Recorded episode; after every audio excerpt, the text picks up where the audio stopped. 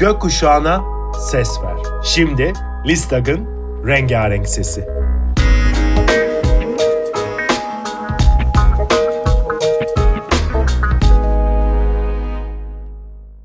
Bu hikaye LGBT Aileleri ve Yakınları Derneği Listak için Yasemin Zeynep Başaran tarafından derlenen Kendimi Bildim Bileli adlı kitaptan alınmıştır.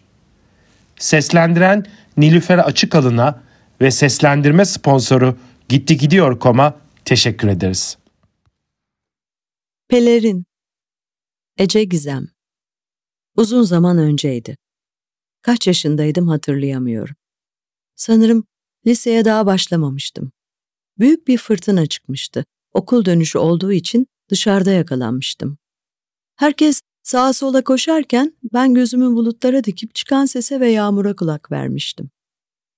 Dikilip yağmur altında uzun bir süre sokağa izlemiştim. Neler düşündüysem yağan her yağmur beni o ana götürür. Gök gürültüsünün tüm insanları bir an bile olsa susturduğu o ana.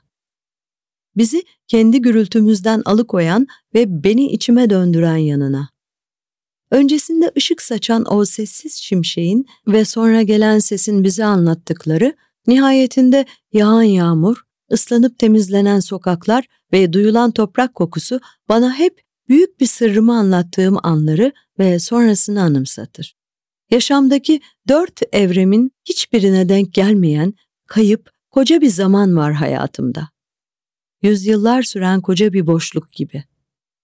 Hala hatırladığımda girdabında kaybolurum. Ne çocuk, ne genç, ne yetişkin, ne yaşlıydım. Sanki hiç kimseydim. Belki de içimde hepsinden bir doz barındırıyordum bilmiyorum. Kendimi kabul etmeyi ertelediğim zor bir çocukluk geçirdim. Toplumun cinsellikle ilgili norm saydıklarından hislerime görünmezlik pelerini dikmiştim. Bana benzeyen kimse yoktu sanıyordum. Yalnızdım. En iyi ihtimalle neslimin tükendiğini düşünebilirdim belki ama daha çok yaratılışımın bir ceza olduğuna inandırılmıştım. Varoluşumu irademle gerçekleştirmem mümkün olmadığı için hiçbir zaman hayatıma dair bir plan yapamadım. Ne lisedeyken ne de üniversitede eğitim ya da meslek olarak gelmek istediğim bir yer, olmak istediğim bir şey yoktu. Bir tür protestoydu bu benim için.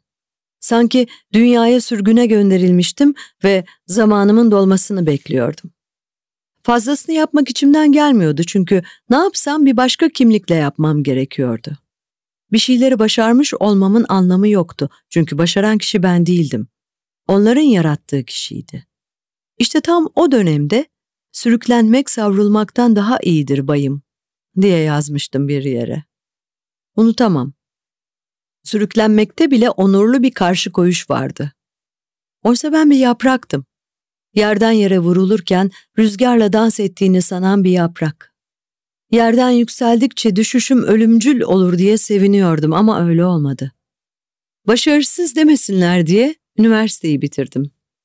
İş bulamadı demesinler diye işe girdim. Lezbiyen demesinler diye erkeklerle flört ettim. Göze çarpmamak için susmayı bile öğrenmiştim. Dünya ile bir aidiyet meselem var diye düşünmeye başlamıştım.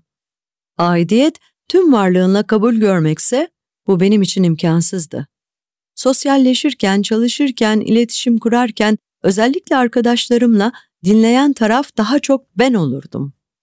Asla bilmedikleri ise sabrım ve takdir gören sükunetim benim seçimim değildi.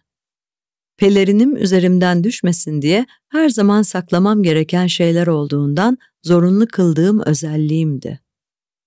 İş hayatına başlayınca yeni bir sosyal çevre edinmiştim. Pelerinim de işte tam o zaman küçük gelmeye başlamıştı. Bu süreçte İstanbul'a taşınmış olmamız bence kendime giden yolu bulmak için başlangıç noktam olmuştu. Bu süreci küçük bir yerde yaşamış olsam belki hikayem bir beş yıl daha gerçekleşmeyi beklerdi. İlk eşcinsel ilişkimi yaşadığım zamanlarda yakın arkadaşlarıma açılma sürecim, kendimi kabullenmem ve cesurca yaşayabilmem için attığım en güzel adımdı. Ancak o adımı atana kadar geçen zamandaki halim etrafımdaki herkesi korkutmuştu. Daha çok içe kapanmıştım ve daha mutsuzdum. Zaten açılmam için en büyük baskıyı da o dönemde gördüm. En yakın arkadaşımın eşcinsellere davranışlarını, söylemlerini, tutumlarını gözlemledim. Verebileceği tepkiye hazır olmak için konuyu hep gündemde tuttum. Aldığım tepki beklediğimin aksine olumluydu. Yine aynı şekilde bir kuzenime söylemek istemesem de ısrarı sonucunda durumu itiraf etmiştim. Verdiği tepki inanılmazdı. Seni böyle görünce evli bir adamlasın falan sandım. Keşke öyle olsaydın, daha kolay çözüm bulurduk demişti. Sanırım o konuşma kırılma noktam oldu ve aslında norm sayılana göre oyuna ne kadar geride başlatıldığımızı da orada anladım. Haksızlığa uğradığımızı da. Bunun benim için bir mücadeleye dönmesi gerektiğini hissettim. Şundan o kadar emindim ki dert dinlemeye bayılan cam kenarındaki tonton teyzeler bile beş çocukla sokakta kalsam hatta katil olsam ya da hırsızlık yapsam her bir halime şefkatle nasihat verirdi ama lezbiyenim desem en iyi ihtimalle tövbeler çekerek beni yanından def ederdi. Toplumda suçlulara gösterilen bir hoşgörü vardı ama eşcinselsen sana yoktu. Bunu fark ettiğim noktadan sonra tüm yeni arkadaşlık ilişkilerimde cinsel kimliğimi ön planda tuttum. Aileme açıldım. Tam olarak hayatımın çözülmesi, kendimi keşfetmem ve hayal ettiğim yaşama attığım adım da burada başladı. Anladım ki insanın varoluşuyla ilgili saklamak zorunda kaldığı bir şey olması, kendisini gerçekleştirmesi önünde büyük bir engel. İnsanların tutumları, ön yargıları, kulaktan dolma fikirleri, hadsiz soruları, bunların çoğu dayanılmaz evet ama ben kendim için verdiğim bireysel mücadeleyle bunu asgariye indirebildim. Başladığım yere baktığımda insanların fikirlerini nasıl değiştirdiğimi ve hak ettiğim saygıyı nasıl söke söke aldığımı görüyorum. Biliyorum, diğerlerinin kazanmak için hiçbir çaba göstermedikleri yönelime saygı hakkını kazanmak için bazen çok yıpranıyorum. Biliyorum çok yorucu.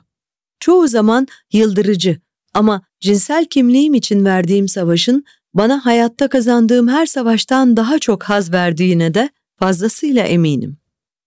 Hayatta yaşanan an içinde felaket saydığın ama biraz daha yukarıdan bakınca iyi ki olmuş ve şimdi olduğum kişiyi bana armağan etmiş dedirten bazı kritik noktalar var.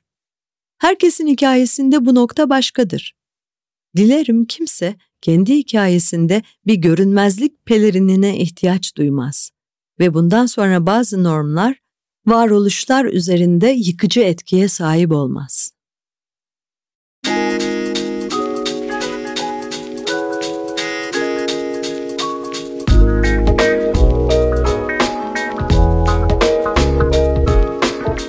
Gökkuşağına ses ver. Listag'ın rengarenk sesi.